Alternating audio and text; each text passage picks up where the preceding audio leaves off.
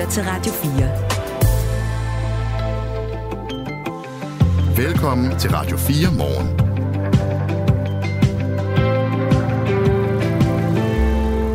Det er fredag den 8. december. Det er holdt op med at sne. Det er øh, en morgen, hvor man øh, i hvert fald i udenlandske medier, men også i danske, beskæftiger sig rigtig meget med Øh, den lov, som blev vedtaget i går i Folketinget, den for, som man kalder for Koranloven. Den har givet overskrifter rundt omkring i øh, medier over hele verden, øh, og, og i Sverige diskuterer man nu, om man i virkeligheden skal overveje noget. Det samme, øh, de, de svenske socialdemokrater vil også gerne have en koranlov på lige fod med, de, øh, med den, som man har vedtaget i Danmark. Men den politiske stemning er ikke den samme som herhjemme, selvom landet jo også i den grad har været centrum for koranafbrændinger og fordømmelser fra Mellemøsten. Ikke mindst også Tyrkiet og medlemskab af NATO osv. Så hvad, hvordan, hvordan tænker man i Sverige? Det skal vi høre mere om i den her time. Der var lige lidt larm på linjen. Ja. ja. Øh, og øh, så har vi flere gange i løbet af morgen med det talt om politikerled. Mm-hmm. Senest øh, for en halv time siden, hvor vi havde en lille rundbordssnak øh, øh, med to politikere og to lyttere. Og øh, grund til, at vi har gjort det her, det er fordi, at øh, i dag er der en høring om politikerlede på Christiansborg. Og vi har fået en del sms'er, dem håber jeg også, vi får tid til her den næste halve time, men vi vil i hvert fald lige øh, kvittere for alle de sms'er.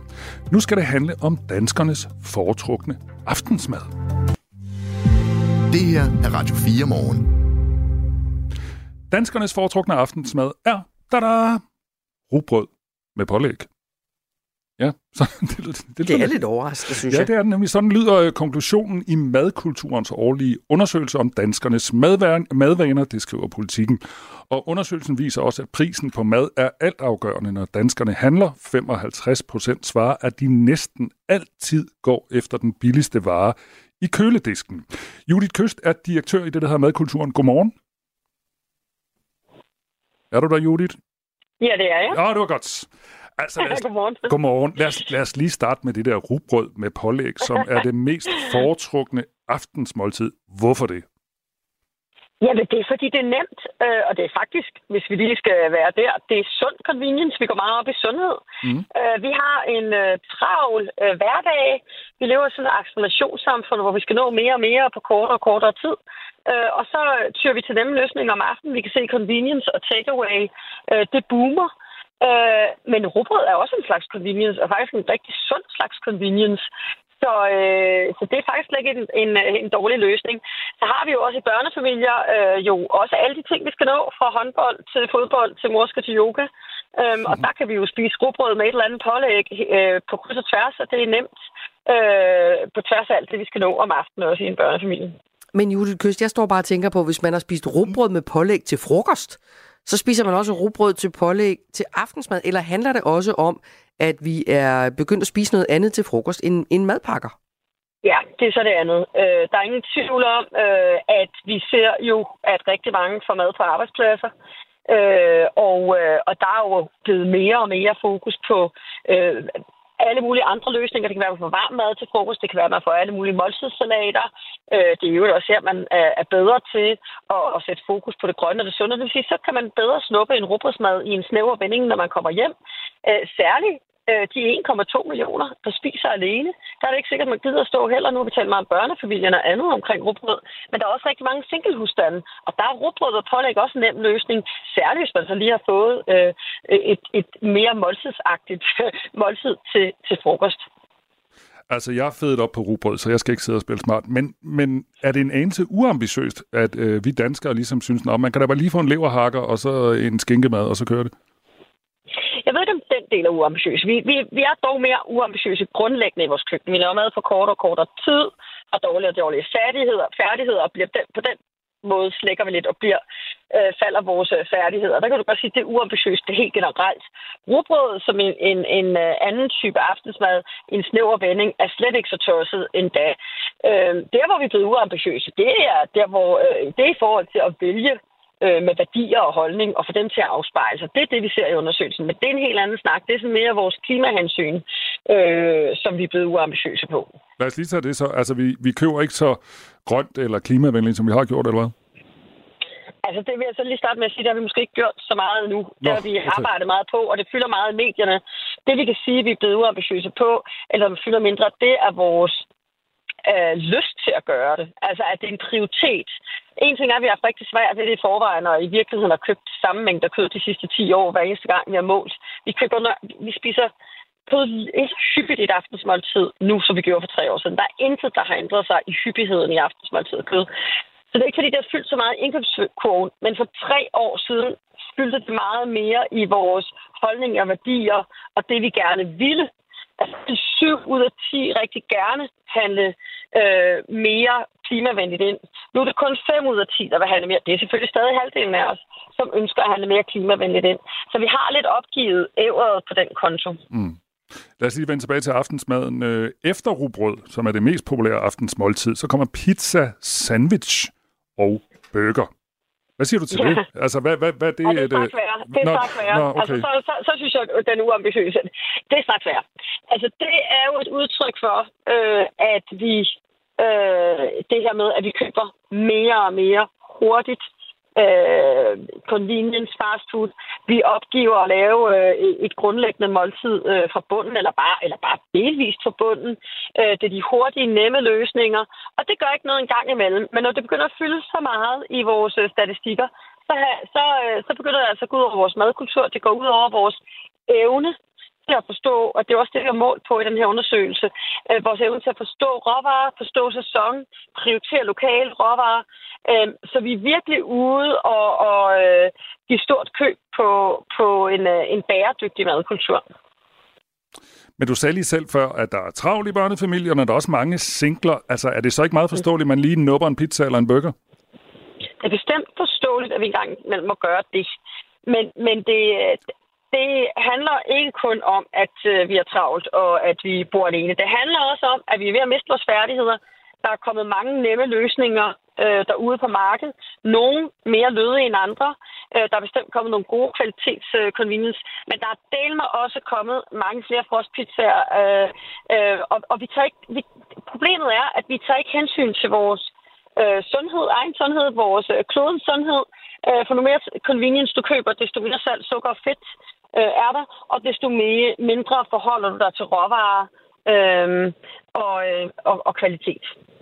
Tak skal du have, Judith, kystdirektør i Madkulturen, og som altså står bag den her undersøgelse, øh, som blandt andet fortæller noget om, hvad det er, vi spiser til aftensmad. God appetit, skulle jeg til at sige. Selv tak. vi skal også have Thomas Ale, øh, Kajaka, tror jeg. Det må vi lige spørge om. Når, øh, Thomas, prøv lige at sige dit efternavn. Alkajakke. Godt, tak. Du er medanmelder på BT og øh, Kogebogs forfatter. Hvad siger, ja. du, hvad siger du til, at det, der bliver serveret allermest, øh, når vi skal aftensmad, det er en rugbrød med pålæg? Ja, jamen, øh, altså nu er jeg jo altså også, øh, jeg har lavet mad i kantine. Der kommer jo rigtig mange, altså som Judith også nævnte, der er rigtig mange singler, som lige sørger for at få mættet behovet for, for varm mad øh, i løbet af altså, det til frokost. Så, så det, det tæller nok meget op der. Altså, jeg har det fint nok. Jeg vil hellere have et godt stykke rugbrød, end at have så meget andet. Jo. Så øh, ja, det, jeg tror, det er fint. Hvis det, altså, vi har for eksempel herhjemme, har vi også øh, hver ene, altså gerne en dag om ugen, hvor den i hvert fald som fast på rugbrød og rester. Mm. Så for os, der, der, der tæller det jo lige så meget, som at vi brugt det, vi ligesom har herhjemme, fordi så kan vi holde, hvad skal man sige, prisen lidt nede, sådan, hvis vi får brugt det, vi altså, får spist op det er der jo nok også øh, mange, som ikke gør jo. Så på den måde kan, det, kan rugbrød være ganske fortræffeligt, synes jeg. Men Thomas, kommer det ikke også en lille smule an på, hvad man putter på det der rugbrød? Jo, altså, jeg bager også mit rugbrød selv, kan man sige. Så det er jo også, øh, altså, og det, jo, altså, det virker jo altså, noget øh, snobbet at sige, at man bager sit rugbrød selv. Men øh, altså, i gennemsnit, udover altså, den der time og 20 minutter, der står i ovnen, så bruger jeg måske samlet set øh, 7-10 minutter på det om ugen. Så det er jo, jeg tror, det er, at hvad folk de kan selv og, og har lært i skolen. For hvis du ikke rigtig har så meget, øh, hvad skal man sige, øh, altså, hvad hedder det, jeg ved, jeg, hvad hedder husholdningens, øh, du ved, altså madlavning i skolen, så, så kommer man bare langt fra det. Og hvis dine forældre ikke gør det, så kommer du endnu, endnu længere fra det. Så, så det der med at have evnerne til at kunne gøre nogle ting, det kan jo bare gøre, at, at alt ser uoverskueligt ud. Jo. Så, men, men hvis, ved, du, en ting er, at du bager selv, men, men det, jeg vil godt vende tilbage til pålægget, for det er meget lidt magtpålæggende, at vi taler om pålæg den fredag morgen.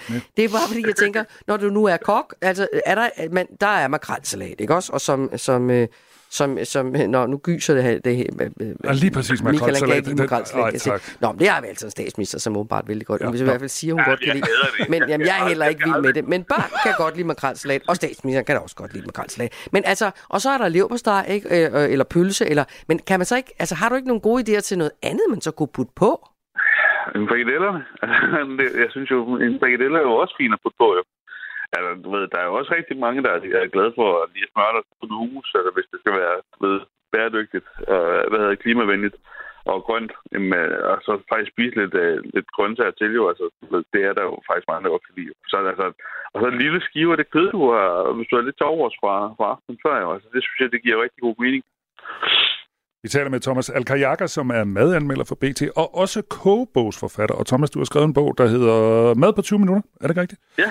Øh, så lad os lige være lidt det så moderne at lave konstruktiv journalistik, så lad os lige her til sidst, ligesom, hvis nu man tænker, man er fanget i pizza, burger, rugbrødsmad, fælden, og egentlig godt kunne tænke sig at lave lidt mad. Kan du så give et, lige et par gode tips til, eller et par gode retter, man kan få lavet øh, på under 20 minutter, hvis man tænker, om det også handler om tid?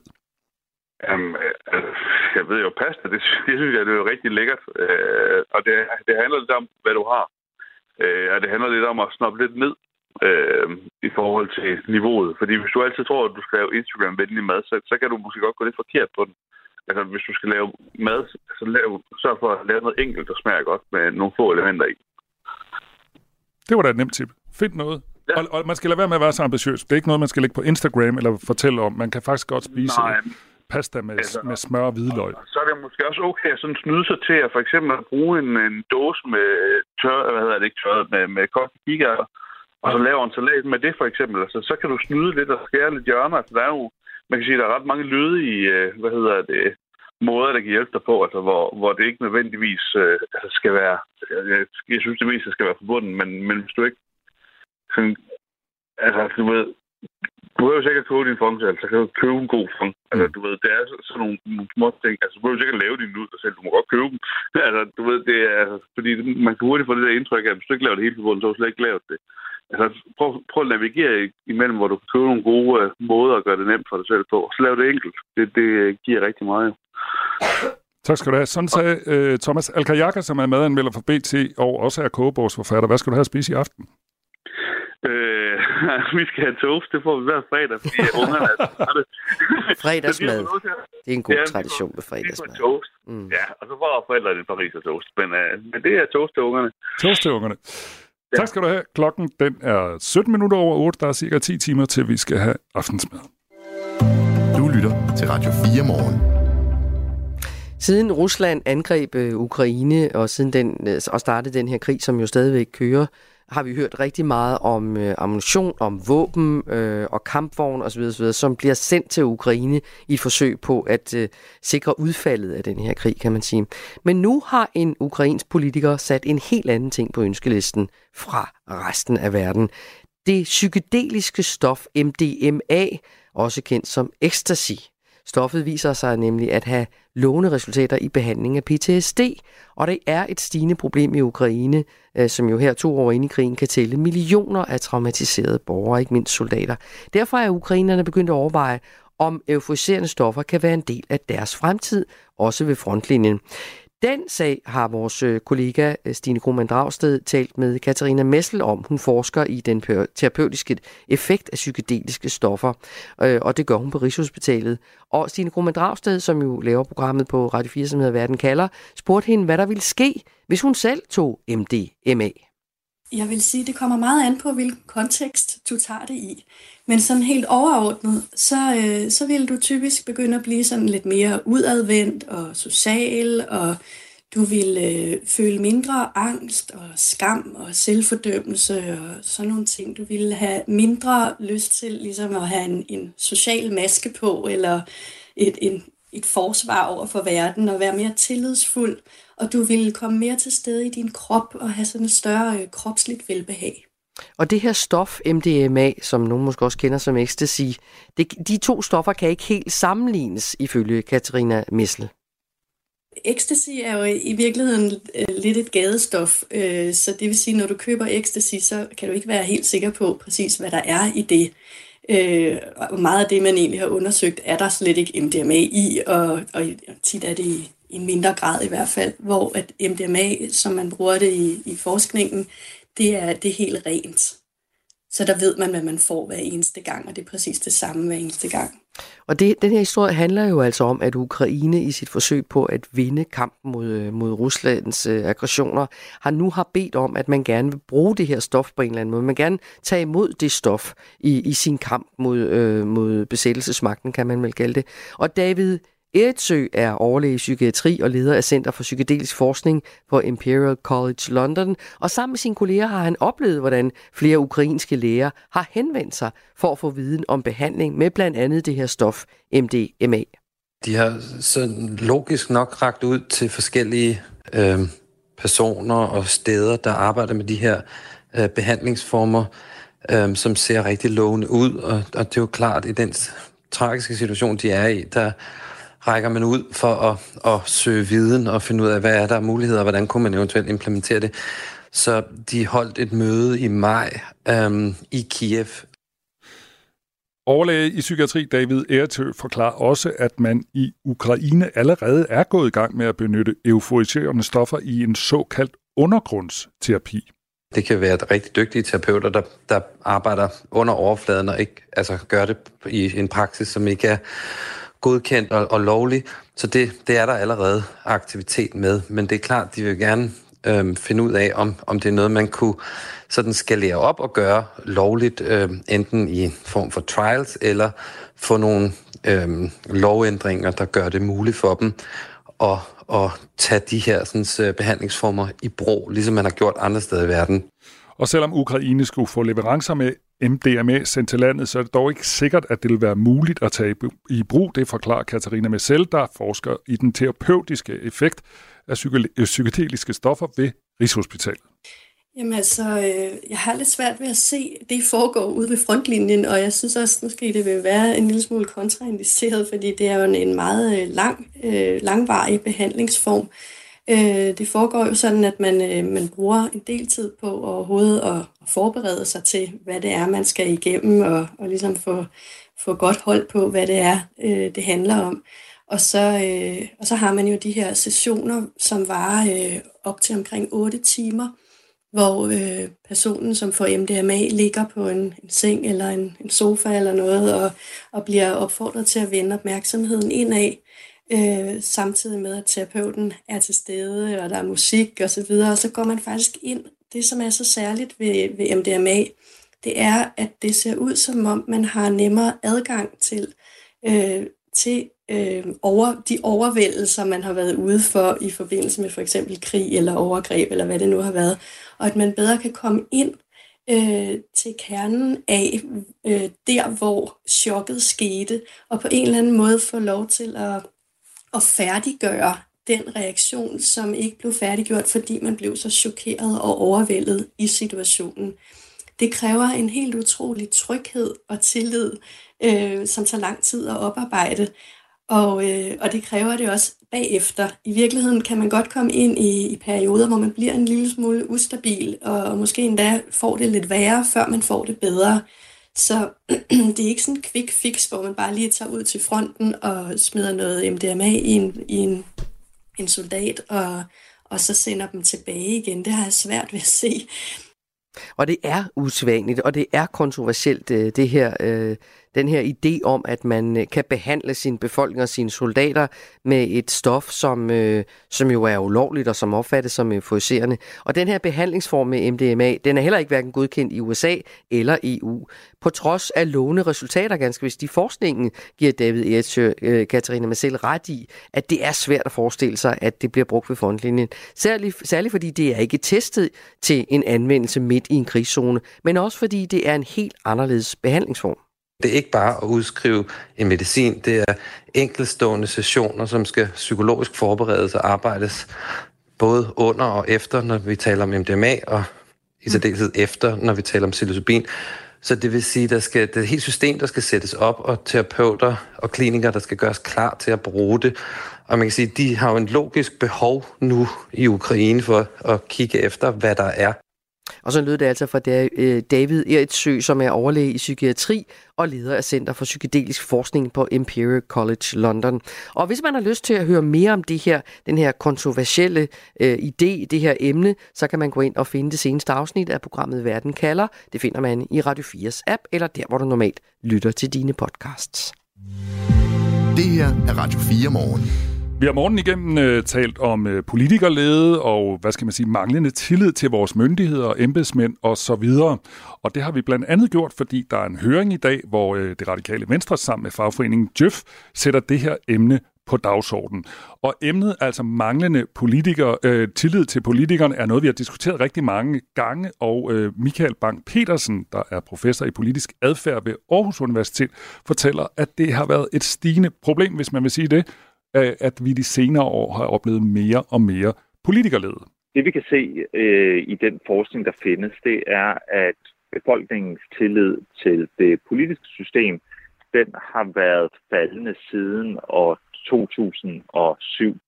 Og professor Michael Bang-Petersen øh, siger også noget om, hvorfor han tror, at der har været stigende politikerlede og også øh, stigende øh, mistillid til embedsmænd. Der har været en, en række øh, sådan større sager eller skandaler. Øh, det kan være Mink-sagen.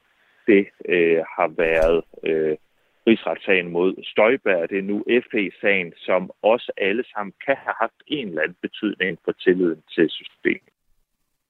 Sådan sagde Michael Bang-Petersen, som altså er professor ved Aarhus Universitet. Og med det, vi efterlyste nogle sms'er. Vi havde en lang snak med to politikere og to lyttere tidligere, og der efterlyste no, øh, vi nogle sms'er. Lad os lige øh, tage nogle af dem, vi har fået. Ja, vi kan jo for eksempel øh, tage en sms fra Bjarne Nielsen, som skriver, når en toppolitiker bliver interviewet, så har han eller hun et budskab, som siges som siges på flere forskellige måder, uanset spørgsmålet. Det var noget af det, vi talte om i, i vores debat tidligere den her morgen. Det her med, hvorfor svarer I politikere ikke på det, der bliver spurgt om, fordi vi mister tilliden til, at, øh, at I er ærlige personer. Gerda fra Køge skriver, at den største politiske skandale oplevede vi i går med en ny koranlov, og ikke mindst, at FE-sagen lige blev faret ind under gulvtæppet. Og det var altså en kommentar til, at der også er nogle sager, som øh, gør, at folk mister tilliden til politikerne. Og en af de sager, eller hvad man nu skal kalde det, der skete under corona, men den har ligesom sat sig fast i rigtig mange mennesker. Hvad var det, der skete øh, under corona? Øh, det er også, nu skal jeg lige se, nu, nogle gange så smutter de, øh, de her øh, sms'er, fordi de hopper lidt rundt. Øh, men det er i hvert fald et tema, der går igen i mange af sms'erne, at øh, mm, her, øh, tilliden til landsledelsen fik et knæk under coronaen, fordi de gennemtvang en enåret løsning, selv da der for højt kompetente eksperter kom viden eller evidens, der gav modstridende øh, info, for eksempel Norge, henviser øh, vores lytter til. Og det er altså en, man møder igen og igen, Michael, ja. det her med, at det, der skete under corona, føler folk ikke var demokratisk, og det har simpelthen sat sig som sådan en eller anden form for mistro til politikerne. Øh, der er også en, der skriver, at... Øh, Øh, nu kan jeg ikke lige se, hvem der er ikke noget navn på her. Vi har, jeg har mistet tilliden til politikerne. Måske er det, fordi Mette Frederiksen flere gange er sluppet afsted med at gøre noget ulovligt, hævder den her lytter. Hun køber sig til stemmer osv. Der er den her mistillid til, til toppen af dansk politik, kan man også godt forvente, eller fornemme, ikke? Jo, det var også lidt interessant i går. Der, der lavede vi et øh, indslag, øh, os to, egentlig bare sådan om at der var mange, der var syge for tiden. Og en af de øh, ting, som folk er meget smittet med for tiden, det er corona. Og det gav også ligesom 10 sms'er, som lige præcis, altså i går, der taler ind i den her dagsorden. Altså folk er blevet mere skeptiske over for øh, myndigheder, og øh, også, øh, altså jeg har talt med, vi interviewede en fra Statens Serum Institut, og der var også en meget kritisk stemning over for det, der blev sagt, så jeg er sikker på, tror jeg godt, jeg tør sige, uden jeg er professor, at corona også har gjort noget ved vores tillid. Lars Madsen skriver til os, det er ikke nødvendigt, at der sidder 179 i Folketinget, det er jo 10 personer der bestemmer. Ja, og en lytter på Frederiksberg skriver her, øh, vores politikere er populister, og de tror, de er højt hævet over os andre, og bryder de loven, så gælder der ikke de samme regler for dem, som for alle os andre, osv. Altså, der er øh, nogle, det her er nogle bud på, hvorfor man måske no, i nogen grene, eller i nogle dele af det danske samfund, har mistet tilliden til autoriteter, og herunder altså også politikere. Tak for sms'en. Det her er Radio 4 morgen. Og når vi er tilbage efter nyhederne, vi nærmer os nemlig øh, nyhederne halv ni, så skal vi tale om Koranloven, som øh, blev vedtaget i går, og øh, som du også sagde tidligere med det, det er jo noget, der sådan, jeg ved ikke om vi kan sige, det giver genlyd, men i hvert fald så er det også blevet, mærke, blevet bemærket i andre lande, at vi nu har indført den her nye Koranlov.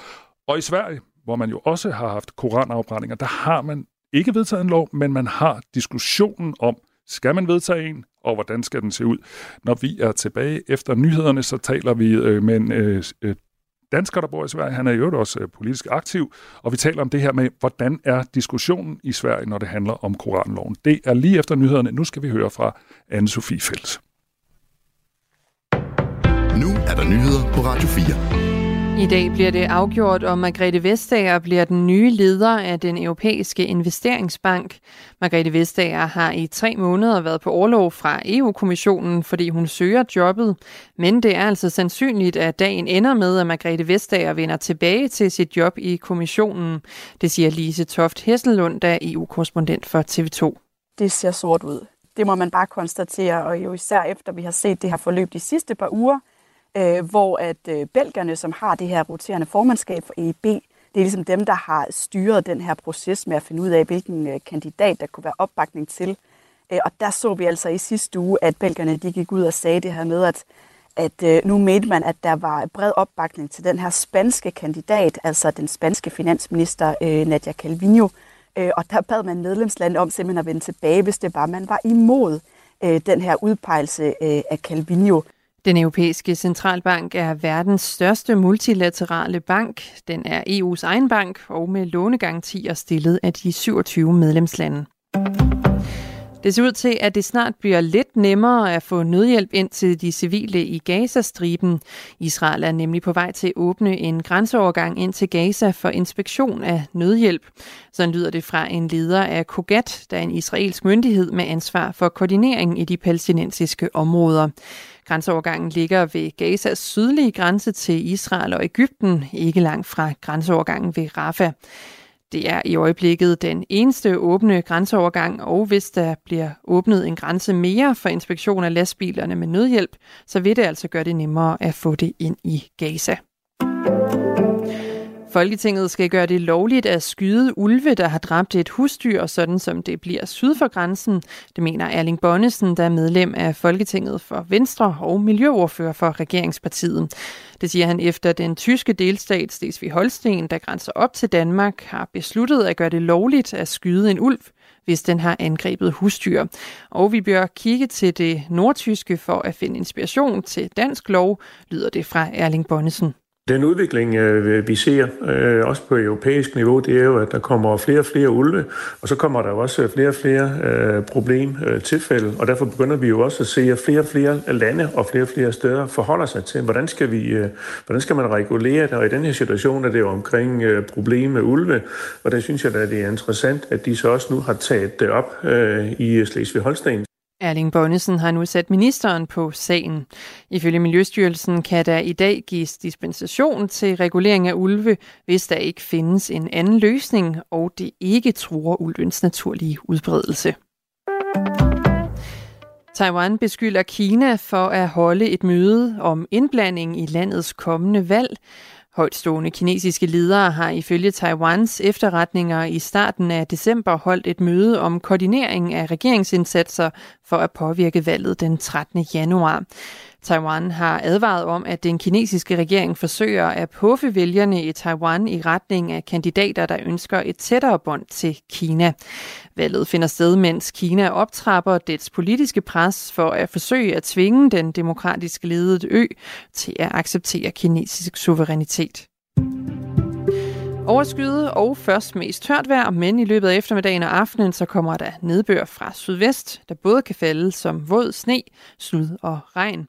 Temperatur fra nær frysepunktet op til 3 graders varme og en let til frisk vind fra sydøst ved kysterne sædvis hård vind. Du nyhederne her på Radio 4, de var læst og redigeret af Anne Sofie Felt, og jeg er tilbage med flere om en halv time. Du lytter til Radio 4.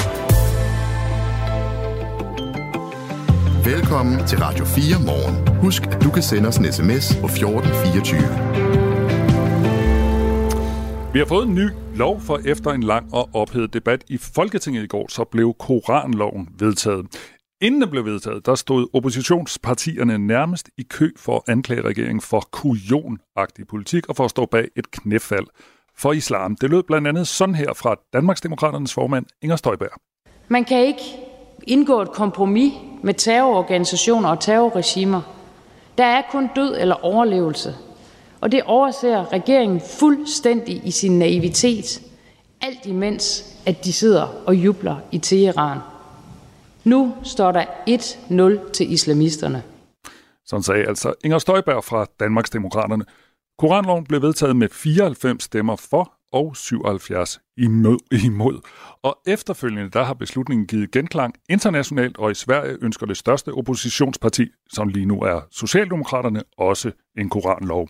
Mads Lundgaard er skand Kant Pol, om i øvrigt medlem af Sverigesdemokraterne, altså det svenske parti, og bosat i Sverige. Godmorgen. Jamen, godmorgen. Nu har Danmark vedtaget den her koranlov. Hvor meget har det egentlig fyldt i den svenske debat, hele vores øh, diskussion om den her nye koranlov? Diskussionen har ikke øh, fyldt så meget, men øh, loven i sig og beslutningen i går har fyldt øh, virkelig meget, øh, både i øh, de nationale nyheder og øh, også i sociale medier. Og øh, den første reaktion i går aftes fra, fra vores justitsminister øh, Gunnar Strømmer, som jeg selv kender siden rimelig gammelt, øh, og jeg vil næsten sige, at det kan lyde lidt sådan med lidt en, en smil på læben, det var en overraskelse. Det havde man nok ikke regnet med. Jeg tror, at at politikerne her troede, at danskerne præcis egentlig som de svenske politikere lidt sådan havde ville sylte den lidt og trække det ud i tid for, for at lægge uh, olie på vandene. Så det havde man ikke regnet med. Altså det, man ikke havde regnet med, det var, at det ville gå hurtigt, eller loven overhovedet ville komme?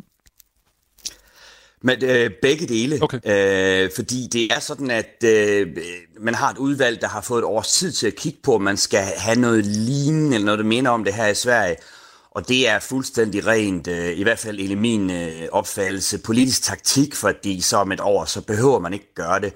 Øh, man er måske ikke overrasket over, at det går hurtigt, fordi det er noget, man tit øh, ser op til i Danmark, at man tager hurtige beslutninger, men, men det kom som en overraskelse, og der gik det heller ikke længe inden, at øh, Sverigedemokraternes øh, ordførende i justitsudvalget øh, gik meget hårdt ud på, på sociale medier og, og, og sagde egentlig noget, der minder meget om det, som som Inger Støjberg sagde, at man bøjer sig for islamister. Det er en mørk dag for dansk demokrati. Så det har været nogle, nogle overraskende og, og øh, ret kraftige reaktioner faktisk, for at være svenskere.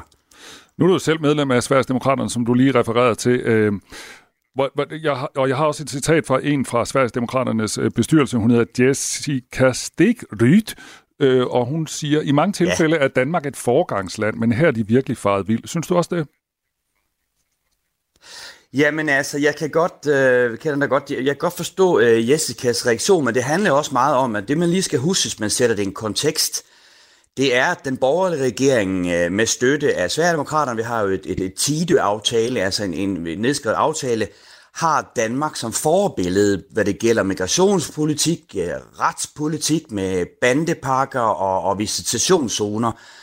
Øh, man ser virkelig meget op til, til, til Danmark, specielt på den borgerlige side, og der i hvert fald øh, Sverigedemokraterne i særdeleshed. Og derfor forstår man slet ikke det her. Og deraf den, den reaktion fra Jessica Stegrud øh, blandt andet, men også, også øh, Rikard Jonshoff, som er ordførende faktisk i Justitsudvalget, øh, og, og nummer to efter Emil Åkesson.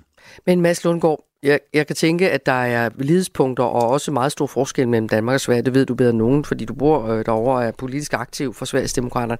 Men er der ikke også et lidespunkt i, at grunden til, at Koranloven overhovedet er kommet til verden, er jo også et forsøg på at inddæmme øh, de trusler, som er mod dansk sikkerhed? Øh, så kan man mene øh, værdipolitisk om den, tusind ting, men det er vel i virkeligheden det, der i bund og grund er grund til, at den overhovedet eksisterer. Altså at man forsøger at inddæmme de her sikkerhedspolitiske trusler. Og, og det gælder vel også for Sverige. I er vel også i Sverige enormt udsatte for terrorangreb. Ja, men lad mig, lad mig bare lige fortydelig. Jeg har været aktiv for Sverigedemokraterne. I, øh, I dag er jeg rådgiver. Jeg er ikke, jeg har ikke, jeg er ikke aktiv øh, politiker, øh, men jeg står der til højre øh, politisk. Jo, men altså, jeg vil også sige, jamen altså for to, altså jeg kan godt, selvfølgelig godt følge tankegangen. Øh, og det er da også en tankegang, der har været op her for, for to måneder siden, når, når de første trusler kom, og, og, øh, og, og der blev brændt koraner. Men det, der så er sket siden, der virkelig har øh, forandret spilleplanen her, også at borgerlige lederskabander her er gået ud og slet ikke forstår noget, det er øh, krigen øh, mellem Hamas og Israel. Øh, det blev fejret i de svenske gader. Der var bilkorteger, der var fyrværkeri. Der var jubel over de mor på jøder, og det har simpelthen forandret svenskernes måde at se på, hvordan man skal forholde sig til, til islam og islamister. Og der vil jeg lige fortydelige selvfølgelig, at, at, at majoriteten af, af, af folk, der, der bekender sig til islam, der selvfølgelig er, er fredelige og som alle vi andre, men, men der er også en stor gruppe, en større gruppe, end svenskerne har regnet med, 12 procent for eksempel af, af, af vælgerne i Socialdemokraterne, 5 procent af de svenske vælgere, der hylder Hamas, og det har chokeret svenskerne og faktisk taget luften fuldstændig ud at gå den type af krav til møde. Fordi kortsigtigt kan man da selvfølgelig godt som, som, øh, som regeringschef, øh, regeringsleder Mette Frederiksen og i Sverige Ulf Christensen, forstå øh, i forhold til befolkningens sikkerhed, at man, at man tænker, som, som danskerne har gjort. Det, det er da logisk nok. Så det du siger, det er, at den aktuelle øh, krig i Gaza, den har også været med til at påvirke det her?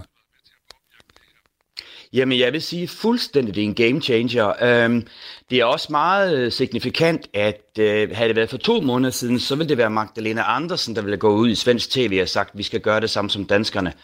Nu øh, sendte hun en øh, lavere øh, rangeret øh, person, fordi Socialdemokraterne ved godt, at det er en øh, tabersag. I var selv inde på det her med, at der er forskellige kontekster, vi lever i. Man skal lige huske, at Sverige er, lever fuldstændigt i øh, åbne bandekrige med 60-80 mor om året, og svenskerne øh, lige være tydelig igen, at det er selvfølgelig ikke sådan, at islam og muslimer er, er mere kriminelle end andre. Men de bander og de cirka 30.000 kriminelle, der sprænger og holder Sverige i et jerngreb, øh, er også, øh, bekender sig også øh, ofte til islam, og de har også kontakt med moskéerne. Så svenskerne ser meget det her i en, i en helhed, at der, de 1,2 øh, millioner muslimer, der bor i Sverige, at der måske er flere af dem, der vil Sverige ondt, der vil øh, det svenske demokrati noget ondt, øh, end man havde troet. Øh, jeg siger ikke, det er sådan, men det er i hvert fald den almindelige opfattelse. Og der er der jo en kæmpe forskel fra Danmark, hvor der jo ikke er den der kæmpe kriminalitet, og den muslimske diaspora er også meget, meget mindre, og som jeg opfatter det, også meget, meget mere øh, velintegreret. Men Mads Lundgaard, det er vel vigtigt, nu siger du, at du ikke er aktiv i Sverigedemokraterne længere, men så bliver jeg alligevel nødt til lige at supplere, at, at det er vel i virkeligheden også så at blande den generelle øh, indvandringsdebat sammen med det. Der, er jo ikke, der står jo ikke et svensk muslimsk mindretal og kræver en koranlov, og det er heller ikke et dansk muslimsk mindretal, som har krævet en koranlov. Det er noget, som den danske regering har taget initiativ til at gennemføre på baggrund af et trusselsbillede. Og det samme kan man vel sige i Sverige, at I har jo selv i Sverige været indstillet på at, at øh, udlevere øh, for eksempel øh, øh, kurdiske, altså i, i forhold til, til, til den svenske optagelse i NATO, været indstillet på at gøre nogle ting, som man måske for bare få år siden ville have tænkt, det kommer svenskerne aldrig til at gøre. Så man kan sige, at den, den internationale politiske situation påvirker jo holdningerne, vel også i Sverige. Jamen, du har helt ret, og det, jeg synes, det, det er godt, du tog det her med NATO-processen op, fordi Øh, grunden til, at svenskerne faktisk øh, diskuterede lidt, men nu bliver det absolut ikke til noget, øh, måske begrænse ytrefriheden i forhold til at brænde Koranen, det var faktisk øh, den svenske NATO-proces, øh, og fordi Erdogan øh, hele tiden holdt Sverige som gissel og stadigvæk gør i den proces. Men det, der så er sket imellem, det, det er også det der med den svenske kontekst, det er, at man skal huske, at øh, for en måned siden cirka, så blev nogle svenskere myrdet i terrordådet i Bruxelles, kun fordi de var svenskere. Øh, der har været kæmpe optøjer, hvor, hvor næsten 100 svenske politi er blevet skadet. Så man kan egentlig sige, at den kortsigtige effekt ved Koran øh, og brænde forbud, som man nu, jamen altså det tog, det har gået. Svenskerne, vi har fået at vide, at vi skal undvige julemarkedet, fordi det kan være terrorisme.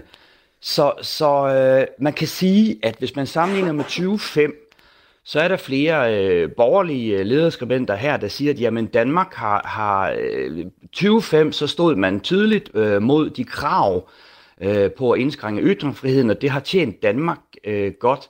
Og man mener også, at jamen, den her gang stod Sverige øh, tydeligt, og man kan så diskutere, om det har stået Sverige godt, men indførte man det nu, jamen så vil det ikke gøre fra eller til, er nok den, den generelle opfatning. Men du har da selvfølgelig fuldstændig ret, at det er jo det er ikke uh, kun krav fra en, en, en, øh, en, en, en muslimsk uh, minoritet, det er det også generelt. Uh, min bedømning er nok, at svenskerne er nok delt omkring 50-50 omkring det her, mindst at for to måneder siden var der nok 70 procent af svenskerne synes, det var en god idé, og 30, at det var en dårlig.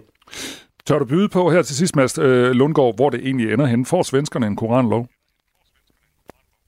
Nej, det gør de ikke. Øhm, de kontakter, jeg også har haft tid til at have i går øh, i flere af de store svenske øh, partier, øh, også på højt niveau, det er, at øh, den, øh, det udvalg, der kigger på, der skal komme med sin betænkning i juni næste år, der, der har man kigget lidt på og ændre måske lidt i i, øh, i øh, almindelig øh, ordning, ordningslov, øh, hvor man så kan sige, at den her kommune må I kun øh, brænde den af uden for kommunen og sådan noget den bliver besyltet. Der er nemlig også en, en, et magtforhold i svensk politik, hvor Sverigedemokraterne vokser, og de andre bliver mindre. Og det er simpelthen dem, der, der, der peger retningen ud. Så, så det vil ikke ske. Det, det, det er jeg helt overbevist om, men det må I jo så øh, ringe mig op. Det gør øh, vi. Sommer, så må jeg det gør vi. Og så kan du få lov at forklare, hvorfor det ikke gik, som det, du troede, det ville gå. Ja, selvfølgelig. Ja. Det gør jeg da Ja. gerne. Tak fordi du var med her, Mads Lundgaard. Jamen, tak selv. Og have en god dag. Til Radio 4 morgen. En af de ting, vi har diskuteret den her morgen, det er det her med tilliden til folkestyret. Over ja. halvdelen af borgerne har nemlig mindre tillid til folkestyret, end de havde for bare et år siden. Det viser en måling fra november, foretaget af Voxmeter for Ritzau. Og folkestyret, det er jo blandt andet de politikere, som vi selv har været med til at vælge. Og tilliden til politikerne har været faldende i flere år. Det forklarer Michael Bang-Petersen, som er professor i politisk adfærd ved Aarhus Universitet. Det vi kan se øh, i den forskning, der findes, det er, at befolkningens tillid til det politiske system, den har været faldende siden år 2007. Og hvorfor er det sådan, og hvad gør vi ved det? Det skal en række politikere og eksperter diskutere på en høring på Christiansborg i dag. Det er juristernes øh, fagforening Djøf og de radikale venstre, altså partiet, som har sammen har inviteret til den her debat og høring. Og alle er velkomne på tilskuerrækkerne, men de øh, skeptiske borgere mangler måske lidt i panelet, så det har vi forsøgt at gøre noget ved. Tidligere i morges, der talte vi med Michael Weiss. Han er 35 år, bor i Odense, sælger forsikringer, og han er en af de danskere, der er væsentligt mere skeptisk over for politikerne, end han har været tidligere. Jamen, jeg tror især, det er fordi, der er så meget, øh, hvad skal man sige, uld i munden på mange af, af politikerne. Jeg synes ikke, der er særlig mange, der siger tingene, som, øh, altså, som de tænker dem, havde jeg nær sagt. Altså, der går for meget spin, for meget kommunikation, øh, hvad, hvad man har fået at vide af sin kommunikationsrådgiver i den. Det er den følelse, jeg sidder med, at det hele det bliver lidt for professionelt, og ikke så meget... Øh, så meget, at, at folk taler om, hvad er egentlig deres holdning. Ligesom at man bruger mere tid på at skyde på de andre frem for at fortælle, hvad vil man egentlig selv. Jeg synes jo, det er en generel ting, for eksempel, at, at når politikere bliver interviewet, at, at, at så er der rigtig mange af dem, der ikke svarer på de spørgsmål, de bliver stillet. Det, det bliver sådan en hel masse udenomsnak for at få tingene til at lyde pænt. Øh, det, det synes jeg jo, vi hører dagligt, når vi, mm. hvis man hører radio eller ser nyheder. Over halvdelen af borgerne har ligesom Michael Weiss mindre tillid til samfundets bærende institutioner, som det hedder, sammenlignet med for et år siden. Og det er altså den her måling fra november, som er foretaget af Voxmeter for Ritzau, som vi tager udgangspunkt i. Og mere præcis så svarer 52 procent, at deres tillid til samfundets institutioner er blevet mindre de seneste år. For et år siden var det tal på 45 procent. Jeppe Sø er udenrigsordfører ved- for Moderaterne, og han kan godt forstå øh, lytteren Michael Weiss' kritik af ham og andre politikere. Altså, jeg tror i virkeligheden, jeg havde samme øh, kritik, før jeg øh, blev valgt ind. Øh, og Moderaterne er jo sådan set også skabt for at prøve at, at ændre på det. Øh, jeg synes nu så, virkeligheden er noget anderledes. Altså, der er jo ingen af os øh, politikere, der har en kommunikationsrådgiver. Det er jo kun ministre, der har det. Og alle vi andre, vi står jo i salen og faktisk debatterer også nuanceret. Jeg er enig i, at når vi bliver interviewet, så er det også et samspil med pressen, der måske er, ikke er velfungerende. Hvis vi for eksempel tager i går, jamen så havde vi jo 6-7 timers debat i, øh, i Folketingssalen, øh, hvor det primært handlede om, at vi fra regeringen ikke gik på talerstolen. Men på tirsdag er der også tredje behandling, og der er aldrig nogen, der tager ordet under en tredje behandling. Fordi den store debat, den er altid under en første behandling, og den har vi jo haft. Og der er det som om pressen, når jeg læser dem nu og læste dem i går, jamen, de hopper med på, at det er da mærkeligt, at vi ikke vil forsvare os. Men vi havde jo en 6-7 timers debat under første behandlingen. Sådan sagde jeg besøg fra Moderaterne, og vi har også været en tur på gaden i Aarhus for at spørge, hvordan tilliden til politiker, politikerne har det. Her mødte vores øh, kollega, hun hedder Cecilie Sækker, hun mødte en mand, der hedder Rasmus Andersen, og øh, han har heller ikke meget tiltro til landets politikere. Jamen lige nu, der har jeg ikke særlig stor tillid til politikerne. Jeg har sådan lidt svært ved at gennemskue, om politikere egentlig mener det som i øh, helt inden for hjertet, eller om det bare er en politik, de fører. Jeg kan godt lide det der med, at man også kan mærke mennesket bag politik, altså det politik, de fører. Det synes jeg ikke rigtigt, man kan. Hvad skulle der til, hvis uh, din tillid skulle være større i fremtiden? Jeg tror, man skal have mere åbenhed, og så synes jeg også, at øh, man skal være mere personlig og tale til folket, i stedet for at tale så politisk, som jeg synes, folk gør. Så tale en lille smule mere til folket i stedet for. Og folketingsmedlem for Danmarksdemokraterne Christian Bøsted kan også, ligesom Jeppe Sø, godt genkende, at politikere er måske for gode til at svare udenom. Der er virkelig også nogle politikere i hvert fald, der svarer rigtig meget udenom. Det er også en følelse, jeg har stået med, inden at øh, jeg blev valgt ind her i hvert fald. Men jeg ved i hvert fald for mit eget vedkommende, jeg prøver at svare øh, meget øh, konkret på de spørgsmål, der bliver stillet, fordi jeg kan huske fra, da jeg selv bare fulgte med, at det var noget af det, der irriterede mig. Hvorfor svarer man ikke bare? Michael Weiss anerkender, at der er stor forskel på politikerne og den måde, de svarer på. Men han mener dog alligevel, at mange, særligt dem med lidt flere stjerner på skuldrene, er ekstremt gode til ikke at svare. Nogle af dem, som, som hvor, jeg sådan, altså, hvor man sådan virkelig mærker det, det er jo nogle af dem, som er meget på.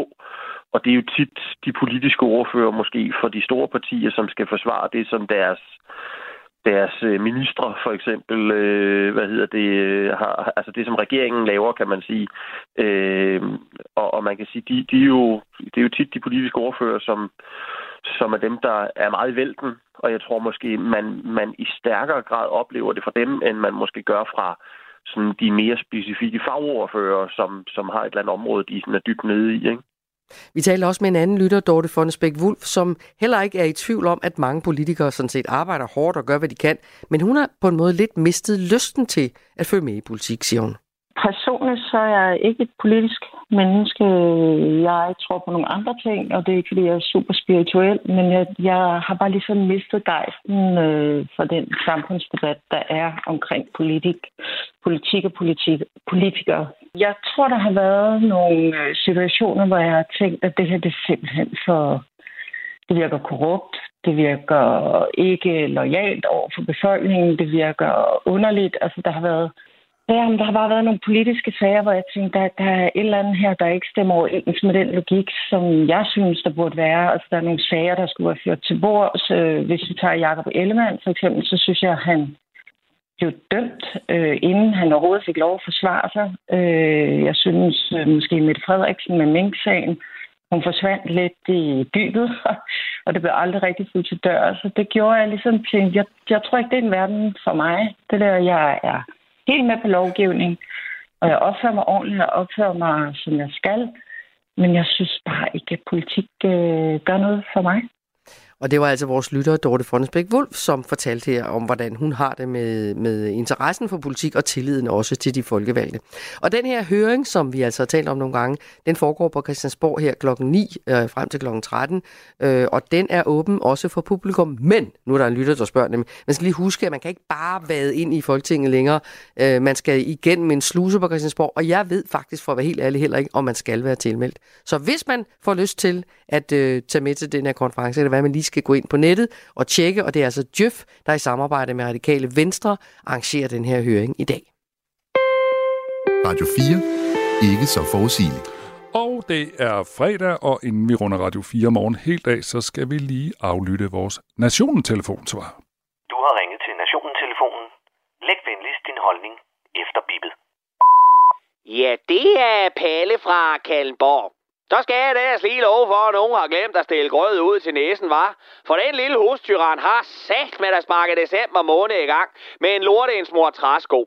For næsefar, han er en lille hissiprop og med sin krop. Han går i sympatistræk med Tesla-medarbejderne i Sverige. Ja, det er da god nok. Arbejdermafiaen i Sverige har nedlagt arbejdet i protest over, at de ikke har fået en overenskomst med Elon Musk. I ved, den sydafrikanske el Greta Thunberg, der ligesom sin svenske diagnosesøster ikke er så god til det der med mennesker, men helt sikkert vil kunne fortælle dig, hvor mange tandstikker du har tabt på gulvet. Smal reference. Det er et skide stykke, Rain Man. Prøv at se noget andet end stormester, dit omvandrende glas Nutella. Nå, men herhjemme, der er 3F Transport klar til at gå i sympatistræk med Tesla-medarbejderne i Sverige, som ellers tjener fint, har ferie, har barns første sygedag, en god frokostpause, men bare ikke lige et stykke papir, der sikrer dem i hoved og røv hvis Elgreta skulle finde på at lukke lortet, eller fyre dem alle sammen for at spytte snusposer i batteriet på en Model Y. 3F Transport vil jo gerne vise solidaritet med deres svenske kammerater. Og det skal da ellers også være muligt, tænker jeg, at tage et par slappe dage, hvor man står og spærer for nogle elladestandere med sin kuffert af en arbejderbom og et par underbærks til at holde varmen. For pensionen, ja, den er jo i hus for 3F's medlemmer, som via 3F ejer for over 400 millioner kroner aktier i Tesla. Ja! Fandme ja! Med den ene hånd, der klør de sig i maskinmesterkuglerne og svinger den røde fan i sympati, og med den anden, der stikker de pensionsmillioner i Kansas-bukserne, så der kan blive til en ny flagstang i kolonihaven, når de skal nyde de sidste år af deres forkortede liv med kol og forhøjet BMI på en havebænk i skyggen. 3F's formand, Jan Villassen, ja, han kan ikke rigtig se problemet, men har da sagt, at det godt nok er noget, de har talt om deres mange Tesla-millioner på sidste bestyrelsesmøde, hvor de så blev enige om og tale noget mere om det på det næste bestyrelsesmøde. Og på den måde, ja, så kan man så skubbe lorten foran sig, indtil Elgreta Mosk giver svenskerne en overenskomst, som nok aldrig kommer til at ske. Men så får de jo bare noget mere at lave i Kina eller Indien, når produktionen rykker derover. Men nissefar, han tror med sin store ske, vil nu se at lære at læse og skrive ordentligt for helvede. Igen igen. Siden 2001 viser den såkaldte PISA-test, at de danske unge er dumme som snot. Jeg ved ikke, hvad en PISA-test den koster, men det kunne Palle skulle godt have fortalt jer. Gratis. Matematik, dansk og naturfag ser ikke ud til at hænge fat i krydderen på de 15-årige herhjemme, som hellere sælger deres jomfrurøv for en Big Mac eller udvikler spiseforstyrrelser på TikTok.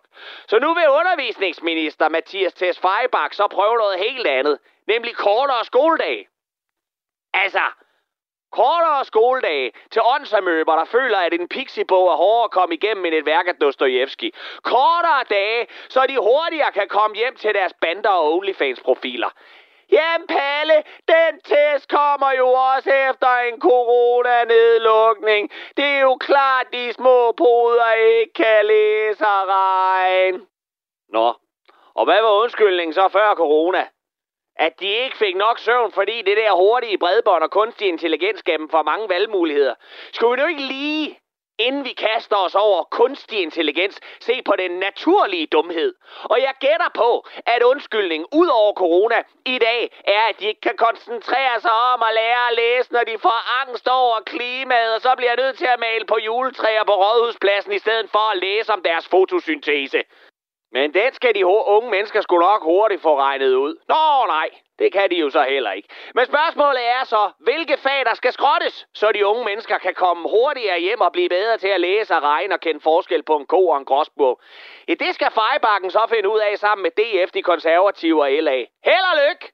Mit bud bliver, at samtlige fag, der lugter lidt af noget kreativt, bliver skrottet hurtigere, end LA's Alex Grødomslag kan nå at skrige, der mangler ikke penge, der mangler fornuft. Og måske er det godt det samme. Så slipper vi for, at der i fremtiden kommer små idioter rendende ud af folkeskolen og vil til at lave radiosatire på Radio 4, men i stedet få sig et ordentligt arbejde, der kan være med til at betale for folketingspolitikernes pension. Man skal bare sætte dem i Tesla-aktier, så skal det hele nok gå. Glædelig december! Det hele det bliver noget rigtig lort. Og det var Palle fra Kallenborg. Du kan høre meget mere fra øh, Kalle, skulle jeg til at sige, fra Palundborg. Nej, Ka- Palle fra Kalundborg i det, der hedder Specialklassen, og det kan jeg her på Radio 4. Det er hver lørdag kl. 20. Men du kan også finde det i Radio 4's app, eller der, hvor du i øvrigt lytter til din podcast. Du lytter til Radio 4. Om lidt så er det for alvor lytternes tur. Øh, det er jo øh, det program, sender hver morgen, som hedder Ring til Radio 4. Og det, man skal diskutere, er også noget af det, som vi har, har fokus på den her morgen, nemlig vedtagelsen af Koranloven. Også fordi, nu taler man om i Sverige, er det noget, man skal overveje også at gøre i Sverige. Øh, er det, giver vi efter for trusler, som Inger Støjberg mener, øh, som sendte i går en hilsen til det mullerstyret i, øh, i Iran og sagde, så nu vandt islamisterne, eller handler det om at gøre os mindre sårbare i Danmark for terror, og i øvrigt lade være med at rende rundt og fornærme andre folks religioner ved at brænde deres øh, hellige øh, bøger af. Så altså den her debat, som jo allerede stået på et stykke tid, den kan man give sit besøg med øh, her om en lille bit øjeblik efter nyhederne.